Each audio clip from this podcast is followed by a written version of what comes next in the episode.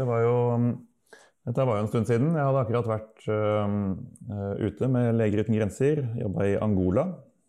Um, og så hadde jeg kommet hjem til Norge og fått meg jobb på um, en liten idyllisk vestlandsby. Det var min første ordentlige uh, legejobb i Norge. Uh, meg, jeg hadde følt meg bitte litt groggy kanskje i, i, forkant, men jeg gikk på jobb. Og Eh, så var jeg på tilsyn på ortopedisk avdeling og fikk et eh, skikkelig frostanfall. Sånn ordentlig rista og hakka tenner eh, mens jeg da skulle se på, se på en pasient nede på ortopeden. Så mm, da jeg jo, hadde jeg jo såpass hodet på rett plass at jeg gikk opp på post igjen og fant en kollega som ikke hadde gått hjem for dagen, og fikk gitt fra meg vakttelefonen og øh, dro hjem og la meg. Um, det var liksom instinktet med et ordentlig frostanfall. Men, eh, men, jeg stakk innom laben først for å bare få tatt noen orienterende blodprøver. Og så, og så dro jeg hjem og la meg under to dyner og syntes synd på meg selv. Men heldigvis så sjekka han jo blodprøvene mine, han eh, som tok over for meg på vakt, og ringte meg noen timer senere og sa at han syntes det var best at jeg ble, kom ned for å bli lagt inn, for det så ikke helt bra ut. Så da hadde jeg altså hadde vel ikke så veldig mye CRP, CRP på 50 kanskje, og litt uh, leverutslag på leverprøvene. Og så hadde jeg lave, uh, lave hvite, lave trombosytter og litt lav HB kanskje. Så jeg ble i hvert fall lagt inn i akuttmottaket på mitt eget sykehus og tatt imot av en turnuslege som jeg pleide å være bakvakt for, stakkars. Og så ble jeg lagt opp på min egen post jeg har fortsatt en sånn uh, dus opplevelse av hun sykepleieren som uh, var der den uh, kvelden og natta. Det var en sånn engelfølelse. Som, mens alt annet så ut til å gå i knas, så var hun liksom den store, det lille lyspunktet. Men jeg hadde jo også vært litt det skal jeg også sies, jeg hadde vært litt sånn slurvete på, på malariaprofylakse, for det ble så ko-ko av Lariam. Så jeg begynte å ta halv dose Lariam. Det trodde jeg, tenkte at skulle være nok.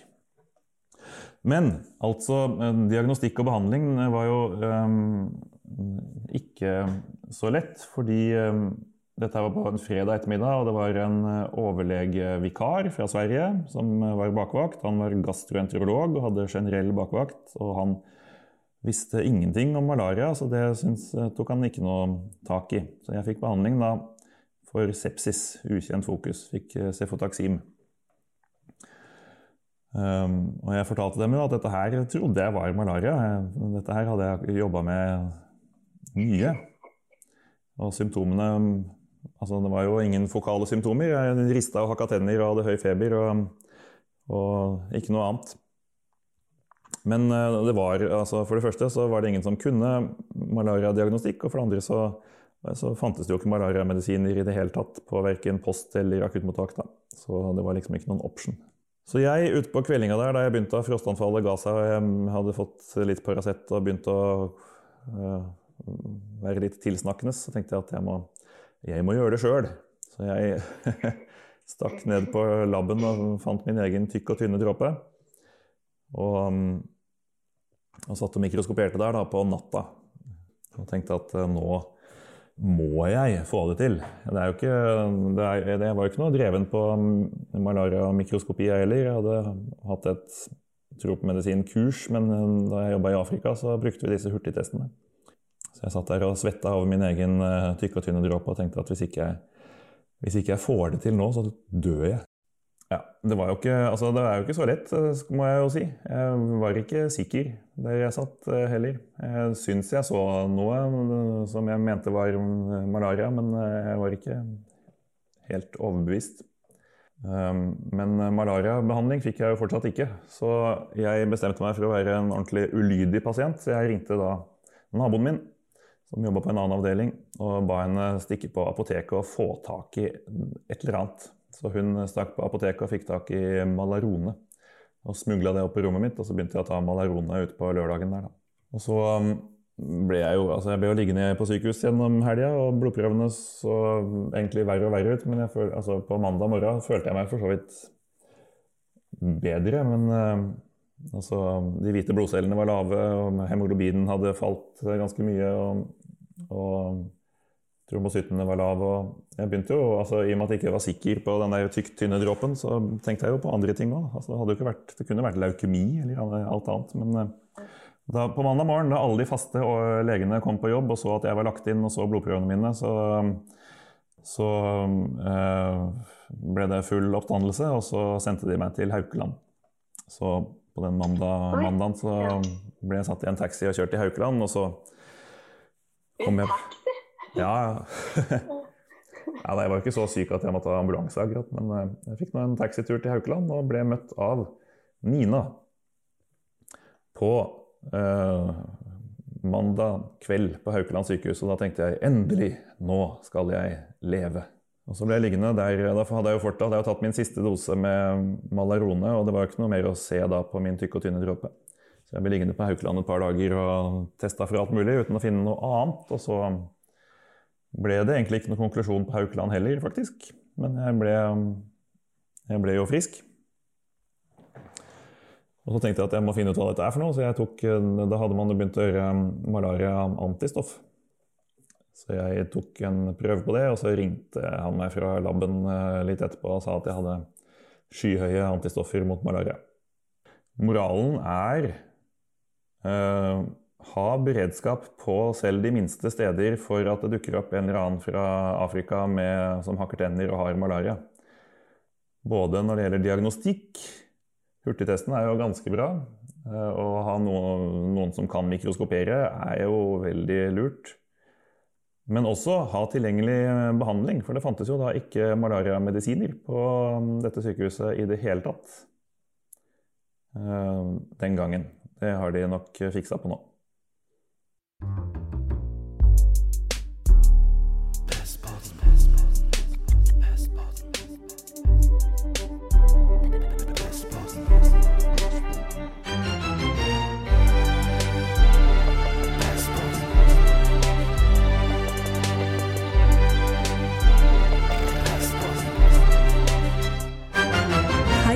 Velkommen til eh, Pestpodden.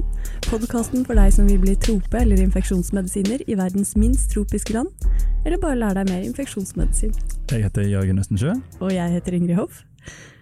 Og dere hørte nettopp Asgeir Johannessen, overlege og forsker nå ved Sykehuset i Vestfold, fortelle historien om da han fikk malaria tidlig i karrieren. Denne historien hørte jeg på smågruppeundervisning på treårig medisinstudiet, og det var også første gang jeg fikk lyst til å bli infeksjonsmedisiner.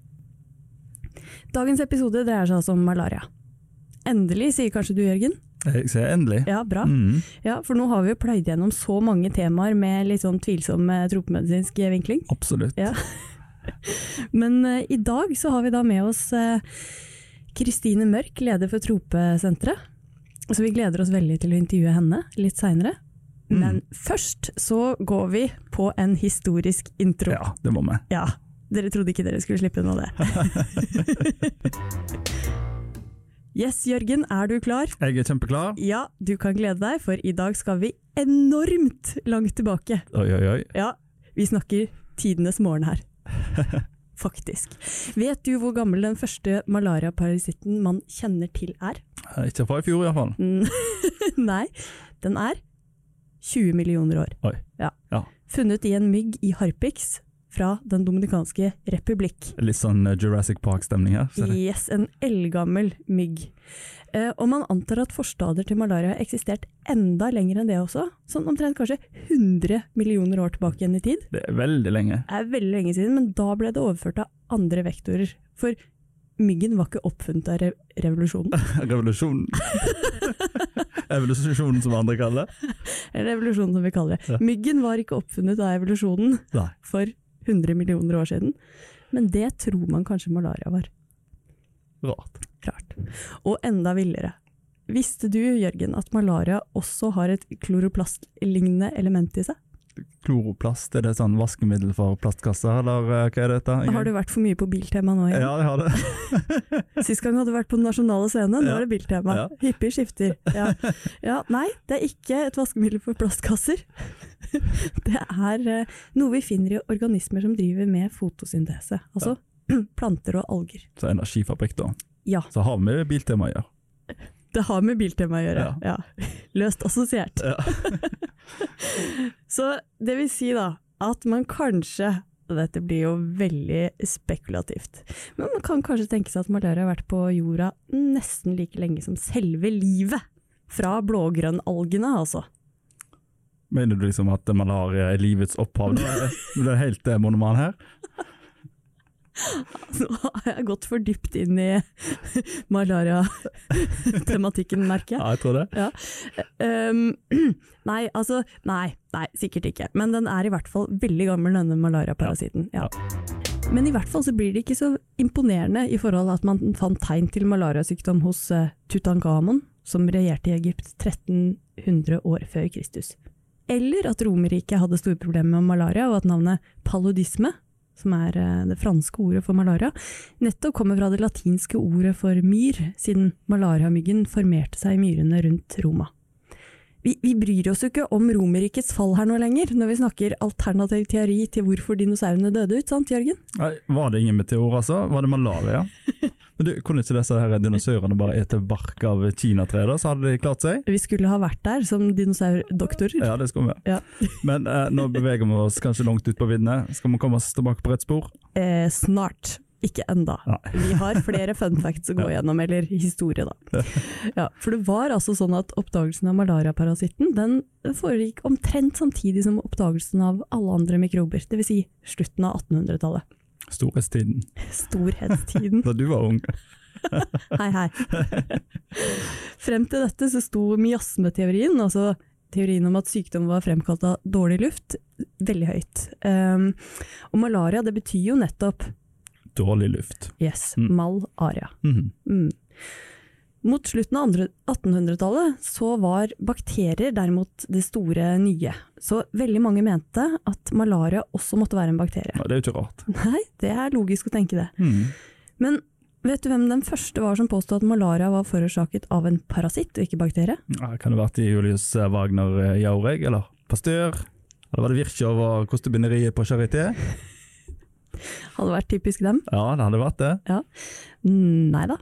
For eh, mens infeksjonsmedisinerne og mikrobiologene satt hjemme og koste seg med de nyoppdagede trendy bakteriene, så var det faktisk en fransk militær kirurg, oi, oi, oi. Ja, eh, Laverance, som jobbet i Algerie, som var den første til å påstå at malaria var forårsaket av en parasitt.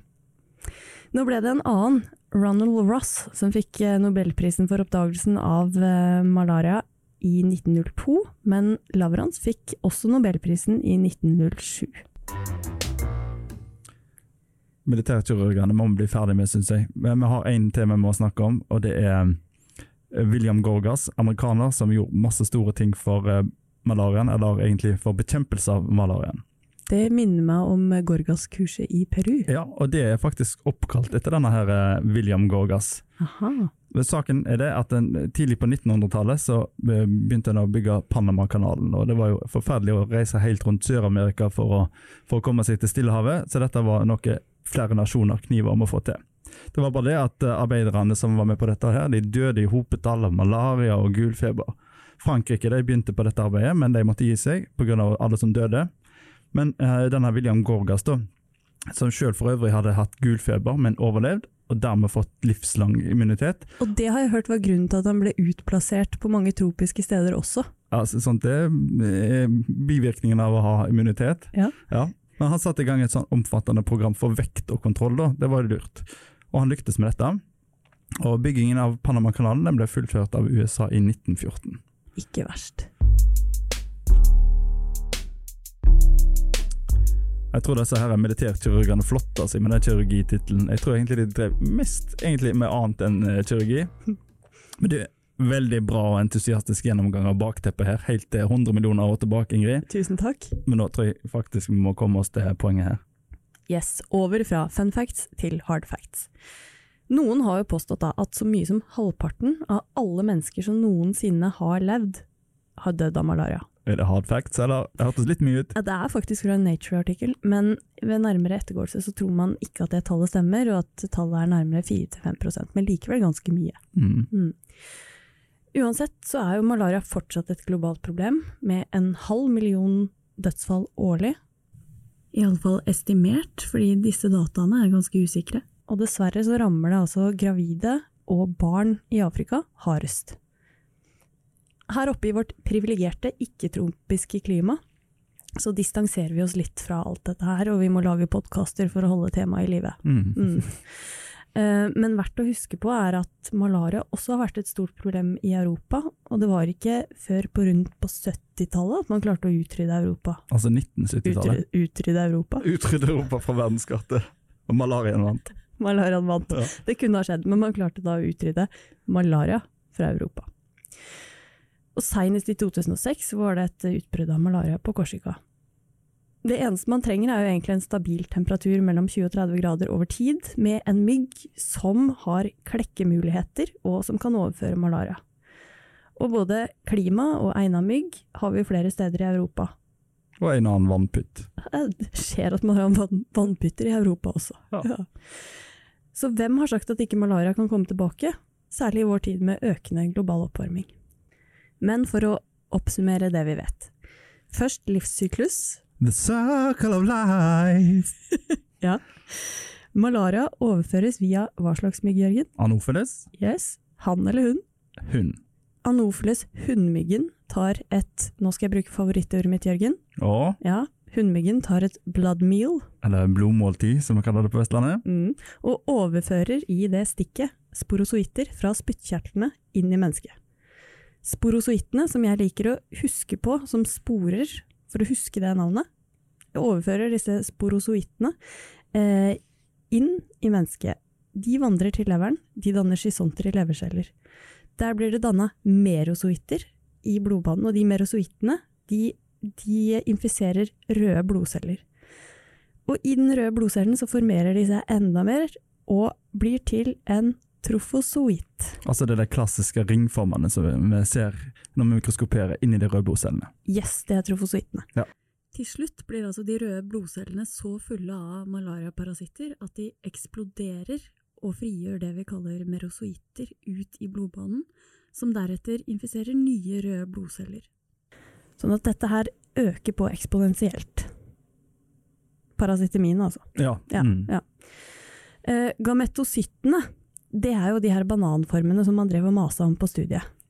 I hvert fall når det gjelder falsiparum, de har bananformer. De kommer først etter hvert i forløpet. Um, og det er de kjønna formene som suges opp igjen i myggen, hvor da han- og hunngametocytt møtes igjen i myggen og formerer seg. Og da er ringen sluttet. Mm, bra vits. Vi har fem typer malaria som affiserer mennesket. Hvilke er det, Jørgen? Og det er falsiparum, Ja. nolesi, Ja. og det er de dødelige formene. Ja. Uh, falsiparum er den vanligste, da. Mm. Nolesi er bare i Sørøst-Asia. Ja. Og så har vi de mindre farlige, vivax, uh, ovale og malaria. Mm. Det er ikke det at de ikke er farlige, da, men de er mindre akutt dødelige enn falsiparum. Yes. Selv om man kanskje har underestimert dødeligheten ved Vivax. Ja. Ja. Og falsiparum finner vi i hele den tropiske verden, men mest i Afrika sør for Sahara. Vivax finner vi ikke i Vest-Afrika, siden store deler av befolkningen der er Duffy-antigen-negative. Og Duffy-antigen det er altså et protein på de røde blodcellene som Vivax og for så vidt Nolesi bruker for å komme inn i de røde blodcellene. Sant? Og Mangler dette antigenet er altså en evolusjonsmessig fordel for å unngå malaria. Yes. I likhet med flere andre blodtypesykdommer som vi finner særlig i endemiske områder for, for malaria, som sferocytose, eh, glukose 6-fosfat dehydrogenasemangel, Sigdcellanemi sigdcellanemi og talasemi. og thalasemi. Ja. Ovale finner vi derimot nesten bare i Vest-Afrika. Altså det Duffy-antigen-området. Mm. Novlesi finner vi i Sørøst-Asia og overføres fra aper, og den er sjelden. Malaria er mest vanlig i Afrika, men sånn generelt så skal vi jo tenke at malariatypene finnes spredt overalt, og ikke blir liksom for begrensa eller sneversynt av de her epidemiologiske kartene. Mm. For vi vet at de ikke alltid stemmer overens med virkeligheten. Vivax og ovale er de formene som lager hypnosoitter. Altså sånne sovende former. Ja, jeg tenker på det som litt hypnotiserte malariaparasitter. Pa parasombier. parasom, parasombier. I hvert fall, Vivax og øh, ovale danner altså hypnosoitter i leveren, og kan dermed residivere måneder, en sjelden gang også år seinere. Mm. Manson. Ja, Du mener selveste mannen bak eh, tropemedisinbibelen? Ja, han demonstrerte dette her ved å inokulere sin egen sønn med Vivax-malaria. Så behandlet han ham, men sønnen fikk så residiv ni måneder seinere. Dette føyer seg fint inn i rekka av eksperimenter med høy etisk standard, Ingrid. Fytti rakkeren. Malaria på sin side danner ikke hypnosoitter, men kan være til stede i blodet i lave nivåer i årevis. Men så må vi huske på at falsiparum-malaria kan kamuflere koinfeksjoner med de andre typene. For eksempel så er det vist at en del av pasientene med falsiparum-malaria noen måneder senere kan få Vivax-malaria, uten at de har vært reeksponert i mellomtiden. Dette har jo vært en litt høytsvevende innledning til malariaen. Litt. Noen vil si utgreining. men, men, det vi virkelig er interessert i, det er jo real life, praktisk håndtering av malaria. Ja. ja. Og vi blir jo ikke så hyppig eksponert. Dermed er det kanskje behov for å friske opp kunnskapene for mange av oss. Her trenger vi assistanse fra erfarne infeksjonsmedisinere. Og I dag har vi vært så utrolig heldige at vi har med oss intet mindre enn overlege i infeksjonsmedisin, leder for Nasjonalt senter for tropiske infeksjonssykdommer og førsteamanuensis ved UiB, the one and only Kristine Mørk.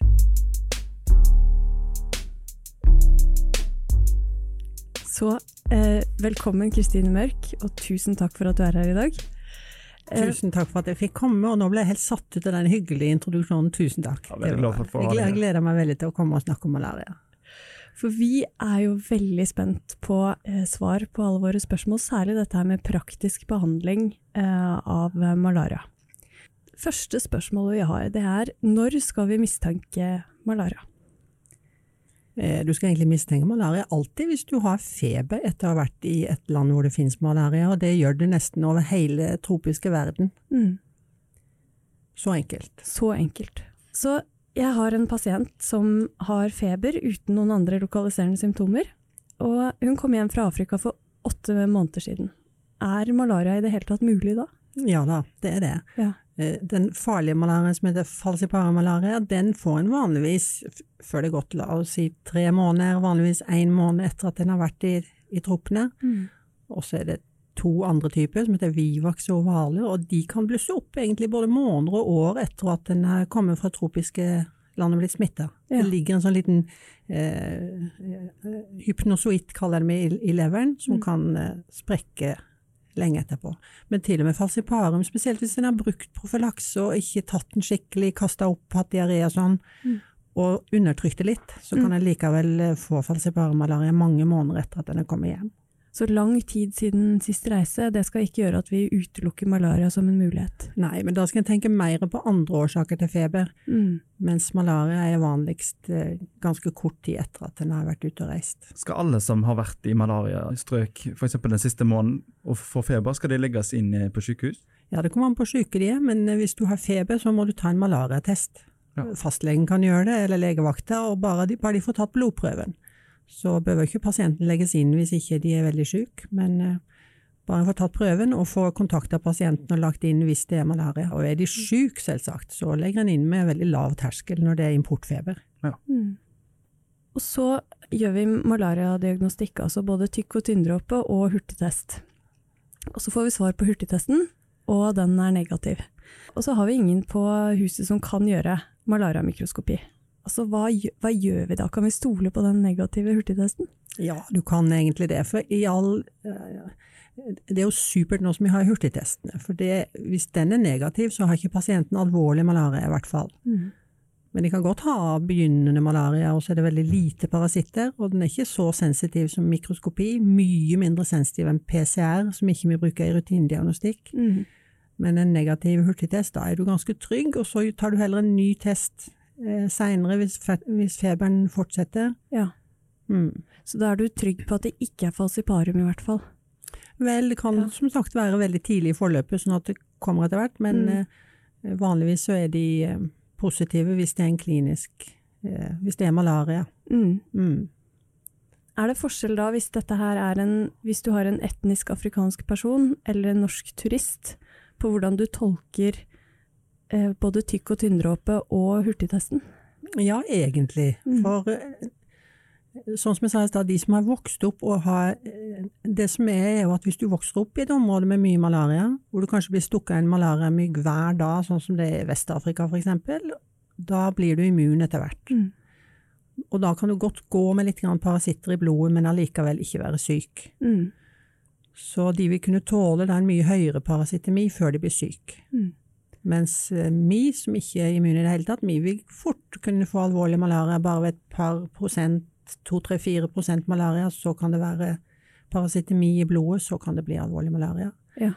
Så en må alltid sammenholde kliniske funn og symptomer med graden av parasitemi. Ja. Så vi har sett pasienter som har vært i sjokk med parasitemi mindre enn 1 og så er det eh, historier om de som jobber ute og har mye erfaring, som har sett barn med 50% parasitemi, og som står foran de og ikke Sånn at det er veldig varierer hvor mye immunitet en har, og hva ja, En må sammenholde klinikken og, og Ja. mikroskopien. Ja.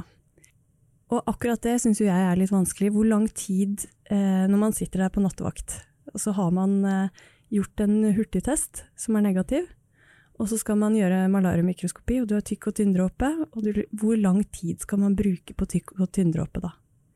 Jeg tror ikke jeg kan svare på det, for Nei. det kommer jo alt an på hvor mye erfaring en har med det. Hvis en nesten aldri har gjort det før, så vil, en jo, det vil jo være veldig mye vanskeligere for en. Det er jo derfor det er så greit med hurtigtestene, for de som ikke har erfaring. Ja.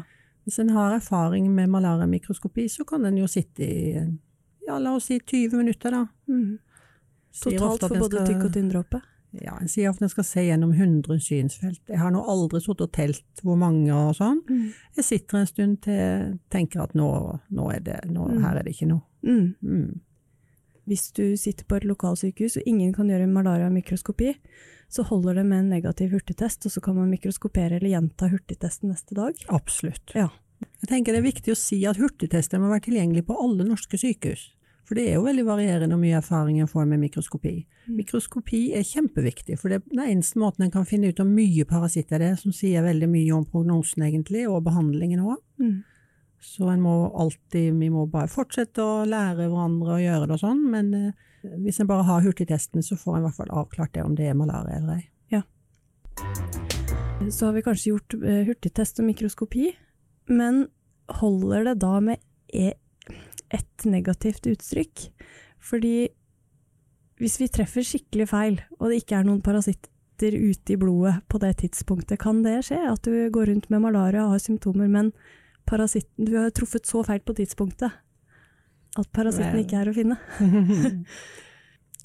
Det kommer både an på hvor i syklusen det er. For malariasyklusen er sånn at det går, for falsiparum sin del så går det to døgn, og i slutten av en syklus så vil veldig mye av parasittene være i celler som er klistra fast ute ute i mikrosirkulasjonen. Mm.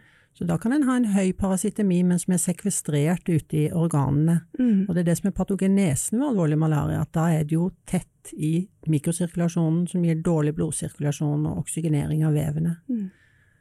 Så da vil det kanskje være lavere parasittemi enn det, en egentlig, det som passer med klinikken. Ja. Og samtidig tidlig, da, før, eh, før en har vært syk, før, det, før en har fått skikkelig malariasykdom, så Mm. vil det være lav parasitemi. Mm. En må bare sammenholde det som med all annen diagnostikk ut fra mistanke. Hvis mistanken er sterk, så gjentar en gjerne, utstrykket. Ja. Mm. Ja. Og, hvis du har en, en eh, pasient med, med falciparum-malaria, da, og så er pasienten innlagt på sykehus, hvor ofte skal du kontrollere uttrykket da? For jeg har ofte vært redd for at denne parasitemien plutselig da skal eksplodere Mm. og bli voldsom eh, uten at jeg fanger det opp. Har du Ja. Mm. Eh, Vi pleier å kontrollere når vi starter behandling, bare for å se at det går rett til veien. Mm. Pasienten kommer inn om ettermiddagen, du har diagnostisert malaria, kanskje det er 5% parasitemi og en som har litt begynnende nyresvikt, du begynner med artisunat intravenøst. Mm. Og så tar du et nytt utstrykk neste morgen. Og akkurat når du begynner intravenøs behandling, så har det superrask effekt, sånn at da forventer du egentlig at de allerede neste dag har lavere parasitemi. De bør ha lavere parasitemi neste dag, og så kontrollerer en det daglig da, til det er mindre enn en prosent. Ja. Men hvis en f.eks. ikke er sikker på Her er det en som ikke har noe organsvikt, parasitemien er 1% og så velger en å begynne med eh, Malarone f.eks., Mm. Og her ville en jo helst begynt med et artemisinin eh, peroralt middel, hvis en begynner med peroralbehandling, for det har også veldig, det har raskest parasittdrap. Mm. Men da, nå, da, er det viktigere å ta nytt uttrykk neste morgen for å se at det ikke har vært for pinglete å gi peroralbehandling, og at den har økt på det. Ja. Men jeg kan ikke komme på at vi pleier å gjøre noe mer enn daglig ny eh, mikroskopi når vi har starta behandling for morgenblodprøvene. Så ikke uttrykk hver tredje time, det er som regel ikke nødvendig. Jeg Kan ikke komme på at jeg har gjort det noen Nei. ganger at det er nødvendig. jeg tror jeg prøvde meg på det en gang. ja. Men jeg er litt lat, eller har litt dårlig tid, eller egentlig kanskje dårligst på å finne ut hvilken type malaria det er snakk om. Kanskje bare ta en PCR? Jeg hadde tenkt å prøve å svare noe morsomt, ikke sant? siden du er så morsom, Jørgen, men jeg må svare veldig alvorlig, for det er jo veldig alvorlig. Men det er jo egentlig litt morsomt at vi har jo veldig tiltro til PCR, det kan løse alle problemer. Og det. Og jeg tror nok kanskje i året framover så blir det sånn at vi får gode tester, akkurat som vi har for tuberkulose. Du tar raskt en, en molekylær diagnostisk test og får svar fort på hvilken type det er. For PCR har fordelen at den er mye mer sensitiv. Den kan påvise mindre enn parasitt per én parasitt per mikroliter, mens eh, mikroskopi, da må du kanskje ha 100 parasitter per mikroliter før du oppdager de. Og så er de jo veldig gode på å bestemme hvilken art malaria det er. Ikke alltid så gode på å bestemme dobbeltinfeksjon, jo det kan de være, og kommer an på hvilken type PCR du gjør, selvfølgelig. Mm. Så det er nyttig, men problemet er jo bare at det tar lang tid å gjøre det. Og problemet i Norge nå er at det er bare Ullevål foreløpig som har PCR tilgjengelig. Vi får jo det etter hvert på alle sykehus, sikkert. Men, eh, og jeg vet at i noen land, f.eks. i Finland, så er det PCR de bruker på nattestid når det er folk som ikke er erfarne med diagnostikk. Så det er nok noe som kommer da. Men jeg liker jo veldig godt at vi lærer å se parasitten i blodet, for det gir en sånn visuell forståelse av sykdommen. En har sett det, og en får en Det er jo den eneste måten en er helt sikker på at her er det parasitter i blodet. Ved PCR så har vi erfart at eh, vi hadde en pasient som hadde positiv PCR syv uker etter at han var helt sikkert ferdigbehandla for sin malaria. Så en kan jo ha rester av DNA som ligger og surrer rundt. Det er det samme antigentesten, den kan òg være positiv i noen uker etter behandling. Mens mikroskopi, da påviser du parasittene der og da. Og du kan bestemme sikkert akkurat hvor mye det er. Og, det er kanskje det viktigste? Ja, med PCR så kan du også gjøre kvantitativ PCR, men det er ikke foreløpig så eh, Altså, en kan ikke gjøre det så så sikkert foreløpig, da. Men det viser seg at den pasienten vi har eh, i akuttmottaket, den har en positiv hurtigtest for falsiparum, og så ser vi faktisk sånne ringformer i mikroskopet. Men hvordan behandler vi dette her? Hva må vi være obs på? Ja, åssen du behandler det. Kan jeg bare si aller først for at jeg er så glad for å få anledning til å si at medikamentene mot malaria det er alle ikke-registrerte medikamenter, sånn at alle norske sykehus må jo ha de, de må ha tenkt på det på forhånd. Her må vi ha beredskap for malaria, og så må de ha medikamentet tilgjengelig for alvorlig malaria, for det er nemlig artesunat. Intravenøs artesunat, som er et egentlig sånn urtemedisin som produseres i Kina fra en plante, og det er veldig effektivt. Mer effektivt enn kinin har de også vist i store multisenterstudier. Man kan ikke bare drikke en gin tonic?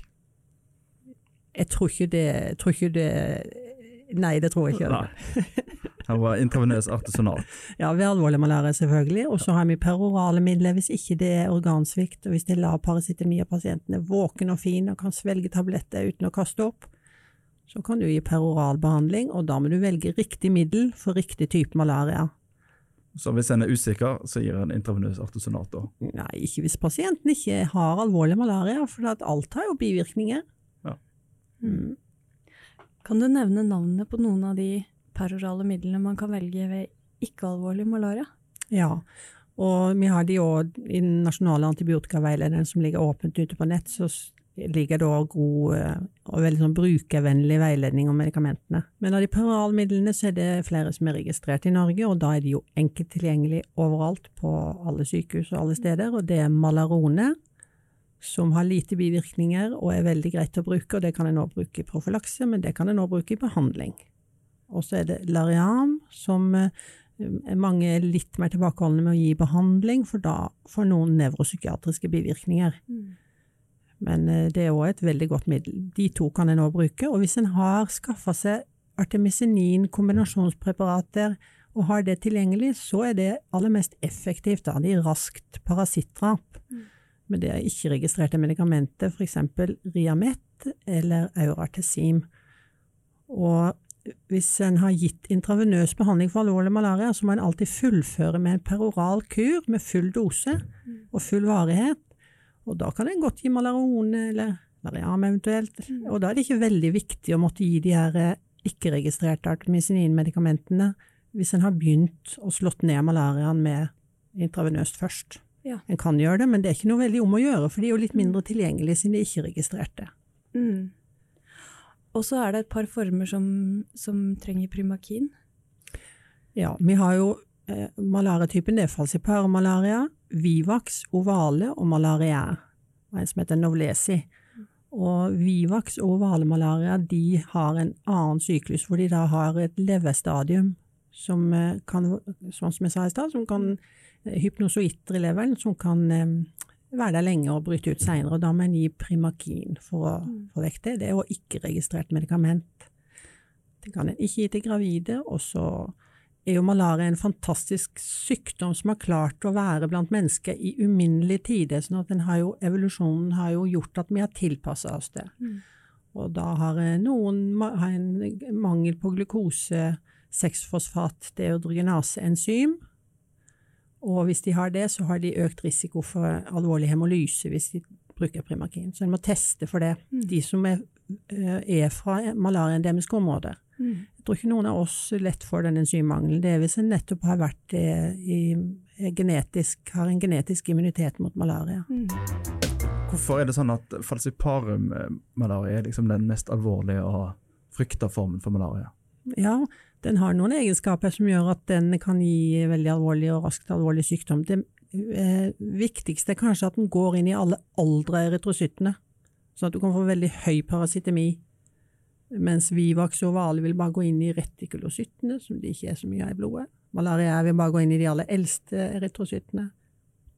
Og så har falsiparum en eh, Eh, patogenese som er annerledes enn de andre. Akkurat det her som jeg sa med at de eh, kiler seg fast ute i mikrosirkulasjonen. Sånn at de lager antigener som kryper ut av overflaten på erytrocytten. De binder seg spesifikt til reseptorer i endotel ute i mikrosirkulasjonen. Og på den måten så okkluderer de jo eh, blodforsyningen til organer. Og noen organer har enda mer av disse her eh, reseptorene, f.eks. placenta, Sånn at eh, ved graviditet så er det veldig høy risiko for skade på både mor og foster pga. denne sekvestreringen i placenta. Så det er det som gjør at falsiparum kan bli så alvorlig, både altså placenta og i hjernen, at det jo har reseptorer i blodkaret i hjernen som gjør at det stopper seg til med blodforsyningen. Mm. Og det er unikt for falsiparum i forhold til de andre typene? Ja, det er sannsynligvis det, men de andre typene er egentlig litt sånn dårlig eh, undersøkt, så en vet ikke nok om patogenesen til de andre typene heller. Mm. Og vivax-malaria viser seg å ha ganske høy dødelighet, og eh, i Asia spesielt, da, uten at en egentlig har forska så mye på vivax-malaria. Men en mm. tror ikke at de har denne evnen til cytoaderanse, kaller vi dette her, at de binder seg fast ute i mikrosirkulasjonen. Mm. Men vi går tilbake igjen til dette med en pasient som kommer inn med påvist nå falsiparum malaria på hurtigtest og la oss si parasitimigrad på 2 mm -hmm. Hvordan vet jeg at pasienten ikke har alvorlig malaria? Alvorlig malaria kan godt defineres så enkelt som at du har tegn til organsvikt. En pasient med feber og påvist malaria og tegn til organsvikt, mm. altså begynnende nyresvikt, begynnende redusert bevissthet, eh, veldig høy laktat, eller for høy laktat i det hele tatt, som tegn på mm. den der eh, dårlige oksygeneringen av vevene. Mm. Du ser på blodprøven òg. Trombocytopeni har, har, de veldig ofte uansett, selv om det ikke er alvorlig malaria, og det har de andre typene òg. Mm. Men altså hvis det er tegn til organsvikt mm. og malaria, så må du gi intravenøs behandling. Selv om det bare er i ett organ. Litt påvirka kreatinin eller litt for høy laktat, men da, går, da starter man artemisin inn i IV. Ja, det vil jeg gjøre. Og 2% er egentlig et godt eksempel, for ikke, det er ikke noen sånn sikker grense for akkurat hvor mye parasitemi som er alvorlig malaria. Mm. Sånn som jeg sa, så kan det godt svinge, og allerede ved 2 så kan du godt ha en alvorlig malaria. Mm. Pleier gjerne å si sånn 2-4% parasitemi, da vil du gi intravenøs behandling uansett. Ja, For da vet du at det er mye parasitter, det gjelder å få tatt knekken på de fort. sant. Og så har du ikke oversikt heller over hvor mange parasitter som er sekvestrert, Nei. som har kilt seg fast andre steder. Nettopp. Ja, ja.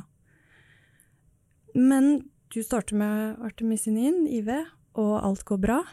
N når skal du gå over til peroral behandling? Du kan godt gå over til peroral behandling så fort parasitemi er mindre enn en prosent, og pasienten kan svelge tabletter. Mm.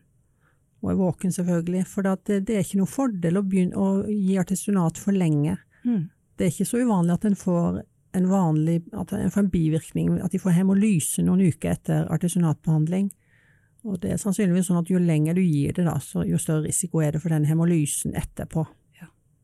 Så det er ikke noen fordel det. Det er jo lett å tenke at vi gir artisonat kjempelenge, for det er kjempeeffektivt, men det er ikke nødvendigvis noen fordel. Nei. Det er veldig viktig å begynne med det når det er nødvendig for å slå det ned fort. Mm. Og så er det òg veldig viktig å huske å gi en full kur med et peroralt middel etterpå. Ja. Dosert akkurat som det står i anbefalingen, som om en bare gir peroral. Ikke vanskeligere enn det. Og ta inn pasienten til kontroll etter Ja, jeg pleier nå å gjøre det, og så ser de igjen etter fire uker. Noen ganger så har de flere typer malaria samtidig, og så kan det dukke opp at de har eh, Vivax likevel i tillegg til en falciparum som er behandla.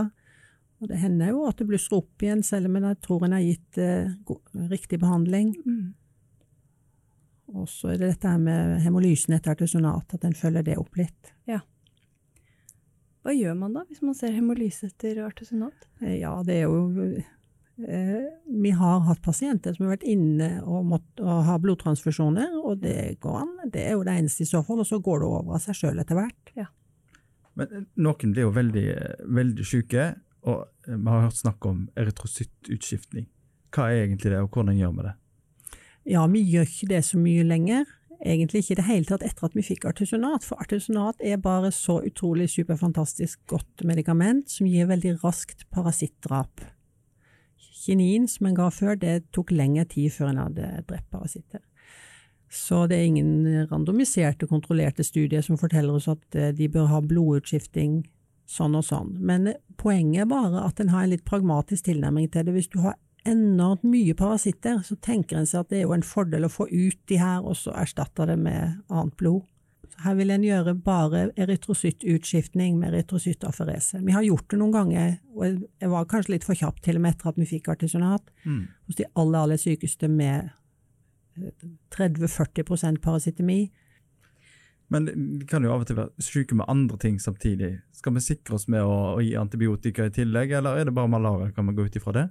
Nei da, det, kan, det er eh, økt risiko for å få bakteremi og sepsis hvis du har malaria. Du får litt lekkasje over tarm, sånn at du får translokasjon av tarmflora. Og i det hele tatt økt risiko for bakterielle infeksjoner, sånn at det må en bare vurdere klinisk. Ved tegn til det så har en lav terskel for å gi antibiotika i tillegg. Mm. Jeg vet at mange steder for barn med alvorlig malaria så er det en rutine at en samtidig gir antibiotika. Så mm, Og er det gjerne cefotaxim man velger da? det kan du gjøre. Ja. Nå er det dessverre enormt mye ESBL ute og går ved importfeber, men eh, det er et Mm. annet kapittel. Ja. Vi har snakket litt om eh, ikke-alvorlig malaria her, og snakket litt om hva alvorlig malaria er. Men eh, at vi skal gi artemisinin er fint og bra. Men ellers, hva behandling skal vi gi i tillegg? Er det noe støttebehandling? Hva må vi passe på? Ja, fint at du spør om det, Jørgen. Og vi er jo infeksjonslege her vi sitter og snakker sammen. Det er vi jo. Noen av dere som hører på er jo infeksjonslege. Så, men òg uansett av allmennleger, og at de er obs på hva som er tegnene på alvorlig malaria, sånn at en kommer seg inn på sykehus og får gitt riktig behandling. For at eh, pasientene har eh, organsvikt pga. denne jeg forklarte med patogenesen, og vi må være obs på tegnene som gjør at vi må gi riktig støttende behandling. Så artisonat er viktig, men det er jo ikke nok hvis pasienten er bevisstløs og har eh, nyresvikt og har eh, alvorlig anemi. Så må en gi støttende behandling for det. En må gi blodtransfusjon hvis en har en alvorlig anemi. En må gi dialyse hvis pasienten har nyresvikt. Pasienten må ligge på intensivavdeling hvis de har flerorgansvikt pga. malaria. de må uansett overvåkes som en, akkurat som en alvorlig sepsispasient, med overvåkning, for at de kan så raskt bli verre. En må følge med på diuresen, bevissthetsgraden, eh, vitale parametere, og være spesielt obs på det med bevissthet. Og så eh, altså tett monitorering ved falsiparemalaria og riktig støttende behandling ut fra hvilken organsvikt de har. Mange kan få ARDS, altså en akutt eh, respiratorisk distresssyndrom, et par dager ut i forløpet, som òg kan være livstruende. Så en må være obs på alle de her viktige tingene å følge med på og behandle støttende. Men hva gjør vi hvis eh, bevisstheten faller? Da er det risiko for hjernemalaria, og da er det støttende behandling på intensivavdeling, men de skal ikke ha sånn type hjerneødembehandling, f.eks. med steroider, for det er ikke hjerneødem i klassisk forstand. Det er egentlig litt uavklart hva det er ved hjernemalaria, men det er jo en av de alvorligste manifestasjonene av alvorlig malaria. Og en har økt blodvolum i hjernen, og så er det denne sekvestreringen hvor det da er masse inflammasjon og sånn, og bitte små blødninger sannsynligvis. Så de skal ikke ha steroider, det vil forlenge forløpet. Og eh, da er det ja, annen støttende intensivbehandling. Optimalisere organfunksjoner. Ja. Mm. Men hos en bevisstløse eller med nedsatt bevissthet malariapasient, hvor, hvor hyppig er det med hypoglykemi? Er det også en Ja, hypoglykemi er en viktig ting å være obs på. Mm. Spesielt i gamle dager når vi ga kinin, så gjorde det hypoglykemien verre. Men uansett, da de her parasittene er jo små organismer, de spiser masse sukker, og en har, ja, den får hypoglykemi, så det skal en nå passe på. Ja. Og så spørre spesialister, spørre noen som har erfaring med det. Det er jo alvorlig, raskt progrederende sykdom hvor en må hjelpe hverandre. Ring en venn. Mm. Mm. Ja. Altså, Podkast er et veldig dårlig egna medium til å forklare visuelle ting. Men vi blir så lite eksponert for malariamikroskopi. Så mm. dermed så tenker jeg, er det noen sånne gode huskeregler for å skille Vivax fra ovale fra falsiparum? Har du noen sånne Ja. Ja, mm. ja da, falsiparumparasitten, det er jo ens, dette, dette, er jo blodprotozoer, mm. altså encella parasitter. Og alle celler har jo en kjerne og cytoplasma. Så malaria falsiparum-parasitten den ser ut som en hodetelefon, mm. fordi at kjernen den er delt opp i to små klumper. Og så har den, og kroppen, da, cytoplasmaen, den er som en ring rundt. Mm. En blå ring og en litt sånn mørk eh, kjerne. Det er typisk for falsiparum. For når de begynner å bli mer sånn fleskete og deler seg, og det er da de har begynt å lage masse antigener som gjør at de forsvinner ute i uh, mikrosirkulasjonen. Så du ser bare de tynne, stilige stereo headphonesene? Ja, ofte. Ofte på falsiparum, ja. Mm. ja. Det hender hvis det er veldig høy parasittemi, så ser jeg nå schisonte, altså en ferdigdelt parasitt, ja. hvor det er mange små kjerner i en klump, ja. som ser ut som en drueklase, kanskje. På falsiparum? På alle. Ja, på alle. Mm. For alle har den samme syklusen, de begynner som en ring, en encellering, og så begynner de å dele seg, og mm. da blir de etter hvert en klump med datterparasitter, det heter merosoitter, og alle de her klumpene har hver sin lille kjerne. Mm. Så de eh, ser ut som en, en sånn fin liten klump med, med, kjerne. Men det er sjelden at du ser de hos uh, falsiparum, sant? Der er det mest ja. de ringformene. Det er akkurat det, at ja. de her er sekvestrert ute i mikrosirkulasjonen ved falsiparum. Mm. Men ved de andre artene så skjer ikke det. Så ved de andre artene så ser du alle stadier. Da ser du ringene. Og vivax det kommer fra ordet livlig, og da er den veldig amøbaktig og ser veldig sånn ja, livlig ut i fasongen på cytoplasmaen. Ja. Og så har de noe som kalles for Schiffners dots, som er bare et fargenedslag i cytoplasma. Det er sånn fin regn av rosa prikker over hele cellen. Så Vivox det er en litt sånn livlig polkadott-type som infiserer bare de eh, nyeste blod, røde blodcellene? Ja, og de er også litt større enn de andre blodcellene, så derfor ser de store ut. Så det er akkurat sånn. En sånn rosa prikkete, livlig parasitt inni store celler. Ja. Nesten litt vakkert? Eh, ja, det var kanskje å trekke det litt langt. Vi er jo ikke sære heller. Sånn. Bare litt. Jeg har, jeg har, funnet meg en huskeregel på malaria. Vil dere høre den? Hva ja. dere syns om den? Mm. Ja, jeg tenker at malaria infiserer de gamle retrocyttene. At det er en litt sånn eh, gammel, kjedelig type som har et veldig selvhøytidelig magebelte når det danner gametocytter. Um, og at den er sånn lavgradig og kan surre rundt i blodet og ikke gi så veldig. Den er, så, den er litt kjedelig, rett og slett.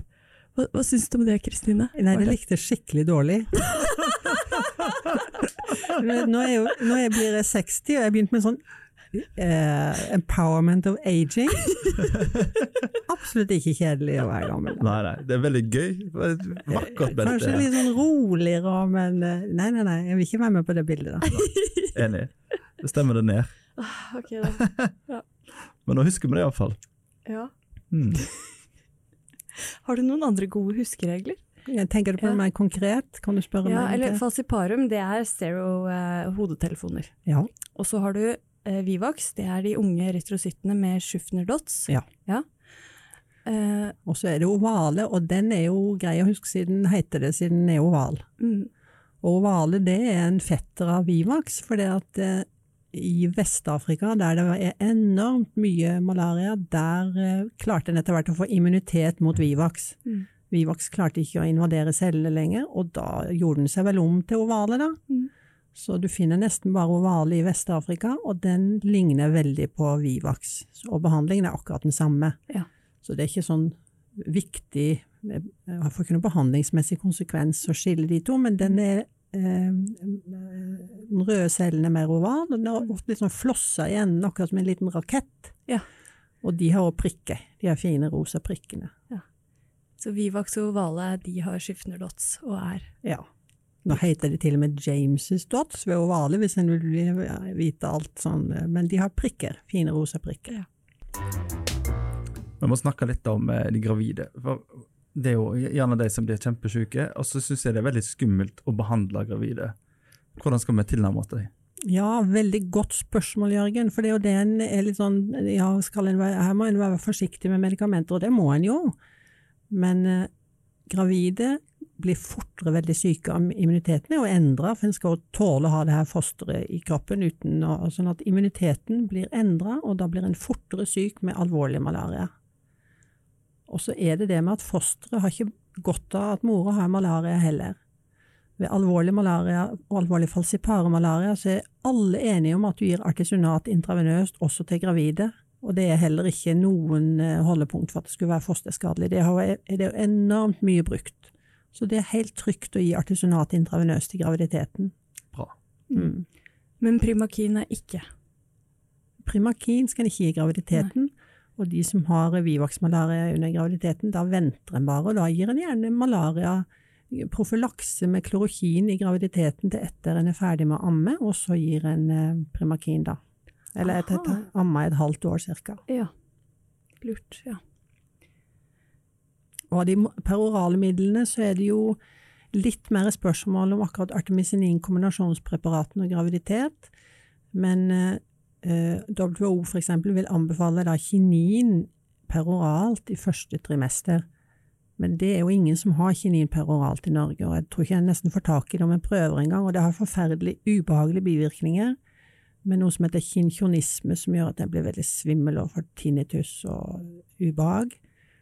Så det er jo ikke, i, det er jo ikke noe realistisk alternativ, og det er ingen eh, holdepunkt for at Riamet eller artemisinin-kombinasjonspreparatene gir fosterskade heller i første trimester. Mm.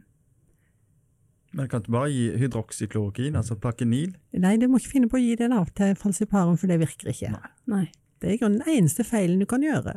Mm. En skal være selvsikker, men en må være passe selvsikker i forskjellige situasjoner her i livet. Så hvis du ser på malaria og mikroskopi og ikke er sikker, og sier det her må være Vivax, jeg tror jeg lik- gir klorokin, for det kan du gjøre til Vivax og ovale malaria.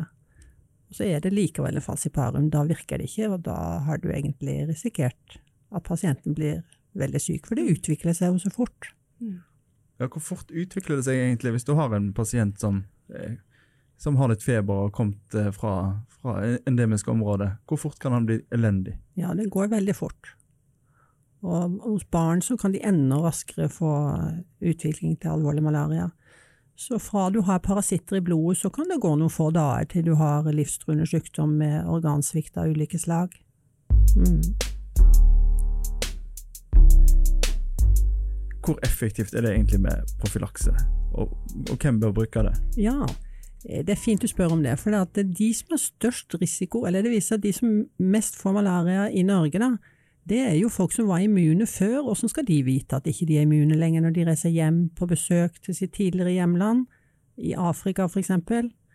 Så de vet ikke om at de må bruke profylakse når de reiser hjem til malariaområdet. Hvis du har bodd noen år utafor der, der, det finnes mye malaria, så mister du immuniteten etter hvert. Så det er ikke noe livslang immunitet her? Nei, det er ikke det. Nei. Så akkurat det kan en være obs på. Det er det jo mange som ikke er klar over, verken leger eller folk. At, eh, men eh, alle andre må jo bruke malariaprofylakse når du reiser til malariaområder. Og da kan en ikke bruke de artemisinin kombinasjonspreparatene, de er bare forbeholdt behandling. Så da har jeg mitt tre midler, og det er Malarone, Lariam og doxycyklin å velge mellom. Og de kan en egentlig bruke, velge etter hva som passer ulike steder. Men akkurat noen deler av verden, i Asia, i Mekong-delta, i Thailand, grenseområdene der, så er det mye eh, resistens så der må en velge profylakse ut fra det. Et helt annet scenario enn den febrile reisende, men la oss si at man har en pasient som kommer fra et endemisk område, og som er sliten og trøtt og anemisk. Skal man tenke malaria da? Ja, og det har òg vært eh, egentlig veldig lite kjent, og blitt mer kjent etter hvert, at det å ha eh, lavgradig parasitemi når en er immun, og forstørre mildt og anemi, det er ikke så uvanlig. Det er nettopp gjort en studie som er publisert fra Sverige, hvor de fant at eh, jeg tror det var nesten 30% av flyktninger fra eh, Uganda som opprinnelig kom fra Kongo, som hadde eh, kronisk parasitemi med falsiparum. Og vi har også sett det, da. Pasienter som har forstørra mildt, og så klør en seg i hodet, og ingen skjønner hva i all verden, og utreder alt mulig. Og det skal en jo gjøre, men en skal òg teste for malaria. Mm. Og da gjør en malaria-PCR, for da kan det være veldig lite parasitter, men kronisk malaria som er kontrollert av immunsystemet. Ja, og til og med falsiparum, ja. ja kronisk, Nettopp, til og med falsiparum. Og det ja. kan jo få alvorlige konsekvenser, f.eks. gravide. Så kan det reaktiveres uh, under fødsel til og med, at de ja. får uh, malaria når, og, og, smitte til barnet. Ja. Mm. Mm. Men obs på spesielt det med forstørra mildt det, jeg tror det er mange situasjoner hvor man ikke tenker malaria, hvor man burde kanskje ha tenkt på det. Ja vel, altså for ikke å gjøre det for vanskelig, så er det jo mm. importfeber, og at en da ja. tenker på malaria. Ja. Men så er det jo noe helt annet, det er jo mange som jobber i perioder i malariaendemiske områder, og mm. da er det på en måte en annen problemstilling hvor veldig mange, spesielt ved høyendemisk malaria, f.eks. Vest-Afrika, der det er enormt mye malaria, alle har malaria som barn, mm. og, og voksne er immune. Og da vil en jo kunne overdiagnostisere malaria hvis du har feber og er syk, og så er det litt parasitter i blodet, og en bare gir malariabehandling, så kan du kanskje ha en alvorlig sepsis som ja. forklarer sykdommen heller. Mm. Så da er det viktig å være obs på akkurat dette her med kronisk lavgradig mm. parasitemi, som er kontrollert av immuniteten. Men når det er sagt, så må du ikke, en må ikke tenke at en skal ha litt parasitter i blodet, at det er liksom normalt og noe en skal ignorere. Her i Nei. vår setting så tror jeg en må bare tenke at finner du malariaparasitter, så behandler du det som malaria, og at det er det som er problemet. Ja, hva, hva, tror du om fremtiden til malaria? For tidligere i episoden så, så snakket vi om dette at eh, man hadde jo malaria i Europa til langt ut på 1900-tallet. Og det er ikke så lenge siden det var et utbrudd på Korsika, blant annet. Mm -hmm. Hva tror du med global oppvarming og fremtidens epidemiologi? Er det potensial for eh, at malaria skal bli endemisk i Europa også? Mm. Ja, det er et godt spørsmål. Men det, dette her med å spå om framtida, det, eh, det, er jo sånn at uansett om du er ekspert på noe, eller, eller om en er analfabet, så vil en spå akkurat like dårlig begge to om framtida. Ja. Så det har jo med min innstilling i livet, er du pessimist eller optimist, eller ja. Men for å prøve å være veldig rasjonell, så vet en jo med malaria at det har jo bare å gjøre med om du har eh, sosioøkonomiske forhold som gjør at du har kontroll på smitten, dvs. Si at du behandler de som har malaria, at en har eh, eh kontroll på myggen. Så det finnes malaria-mygg i Norge nå. Mm. Og hvis en har malaria her, så kan en jo teoretisk smitte noen hvis en ikke får behandling, men den vi har i Norge er skikkelig dårlig, da. Veldig elendig til å overføre malaria, egentlig. Og det var det som skjedde den gangen. Den er mye mer tiltrukken av dyr, mm. sånn at når en fikk bedre hus og mindre kontakt med dyr, så trakk liksom malariaen ut til fjøsene, eller mm. ja. Mens i andre deler av verden så er jo malariaen enormt antropofil, at den tiltrekker, tiltrekker seg mennesker og Ja. Så, men eh, nei da, det er jo absolutt potensial for hvis det blir et ragnarok hvor alt bryter sammen med helsevesen og smitteoppsporing og alt mulig, at det selvsagt kan eh, begynne å spre seg malaria overalt. Og det er jo egentlig det som er med veldig mange fattigdomsassosierte sykdommer, at en har kontroll på det hvis en har mulighet til å kontrollere smittekilde og forebygging og behandling av de det gjelder, og en vet jo godt hvordan en skal gjøre det. En skal Mm. bruke myggnett, og en skal behandle med en gang, og en skal eh, gjøre forskjellige tiltak. Mm. Mm. Men vi har altså ikke anofilesmyggen i Norge. Jo, vi har Anopheles messi, som er den som er skikkelig dårlig. og så er det, cirka, det ca. 40 spesies av anofilesmygg som finnes rundt omkring. Ja.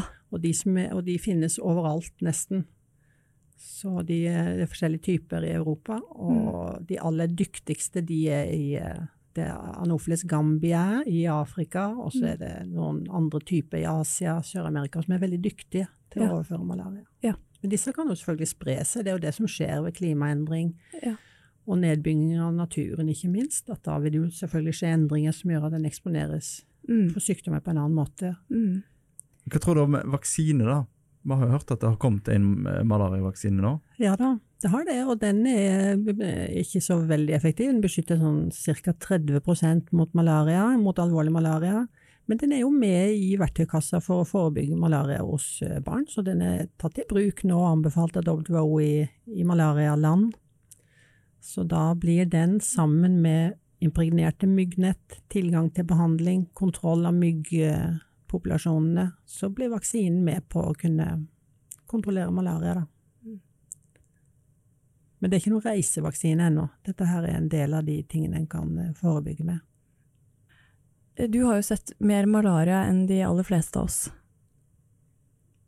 Men har du noen sånne skjellsettende opplevelser gjennom, eh, i løpet av karrieren som du kan dele? Ja, kanskje, da kanskje jeg kan fortelle om den pasienten i Arendal, og da kan jeg liksom protestere på at jeg er den som har sett mest. Du vet, de her, de her som jeg har eh, Bjørn Myrvang i, eh, på Ullevål, som har lært meg så mye, og som har vært så fantastisk sjenerøs overfor Tropesenteret her i Bergen, og lærer bort det han kan. Eh, og miljøet i Oslo da spesielt, som har sett veldig mye malaria. Så er det Bjarne Bjorvatn, som også er tropemedisineren eh, i i Norge gjennom veldig mange år. Og Bjarne Bjorvatn han var i Arendal da jeg var eh, ung lege der. Og da hadde vi en jente som hadde vært backpacker i Asia og reist i månedsvis rundt der, og kom inn på sykehuset i Arendal med malaria. Og det er den første malariapasienten jeg så, og jeg glemmer det aldri. Hun var helt forvirra og hadde ikke villet legges inn på sykehus, for hun eh, ville jo ikke samarbeide og, og, og sånn, og det er jo bare et tegn på begynnende hjernemalaria. Ja. Så hun kom inn og var veldig syk når hun kom inn, da, med høy parasitemi, 30% tenker jeg, begynnende eh, hjernemalaria, nyresvikt, veldig, veldig syk. Og det her var jo på 90-tallet, så da hadde vi kinin, som altså ikke er så raskt virkende som artesonat. Mm. Så starta behandling, og likevel, selv om vi starta med kinin, så var det verre neste dag, med økende organsvikt. Ung jente, det var skikkelig skummelt. Mm. Og så sendte hun i hyrten og styrten inn til Ullevål og fikk blodutskifting, som du spurte om i stad. Og da snudde det og kom seg, da. Ja. Og kom tilbake og ble helt frisk. Og da lærte Bjarne Bjorvatn meg så mye om malaria, og da fikk jeg skrive en liten eh, kasustikk om det, som ble publisert i tidsskriftet, og han hjalp meg da med å skrive den, så det glemmer jeg aldri. Ja. Både det å lære noe av eldre kolleger, og uh, se pasienter. Ja. Mm. Og det var den første pasienten med malaria du så? Ja, jeg tror det. Oi. Eh, eh, Tusen takk for at jeg fikk komme og fortelle om malaria, at dere spør om så mye viktig og fint. Og det, det er jo derfor vi har eh, Tropesenter i Bergen, fordi at noen må sette av tid til å lære seg om de her tingene som er sjeldne, Mm. men som noen må kunne mye om, og så at vi sprer kunnskap om, Mm. sånn at pasientene overlever alvorlig sykdom og andre tropesykdommer, at de slipper å lide for lenge med sykdommer før vi oppdager hva det er for noe. Mm. Mm. Og slipper å måtte smugle inn ma- Malaron-tabletter, som vi hørte i historien. Vi er heldige som har tilgang på medisiner og optimal behandling. Ja. Mm. For å oppsummere det aller viktigste med praktisk malariahåndtering. Malaria det må vi alltid utelukke hos den febrile reisende. Alle sykehus må ha tilgjengelig malariadiagnostikk, hurtigtest og mikroskopi av tykk- Og mulighet for behandling av alvorlig falsiparum malaria, altså intravenøs artemisinin. Og sist, men ikke minst, er man i tvil, så er det viktig å huske at man ikke skal være redd for å konferere erfarne infeksjonsmedisiner. Det var det vi hadde i dagens episode. Vi håper at tåkeheimen er letta. Og at kunnskapshyllene er tetta. Jeg er Jørgen Østen Sjø. Og jeg er Ingrid Hoff. Og du har lyttet til en episode av Pestpodden, en podkast fra Helse Bergen.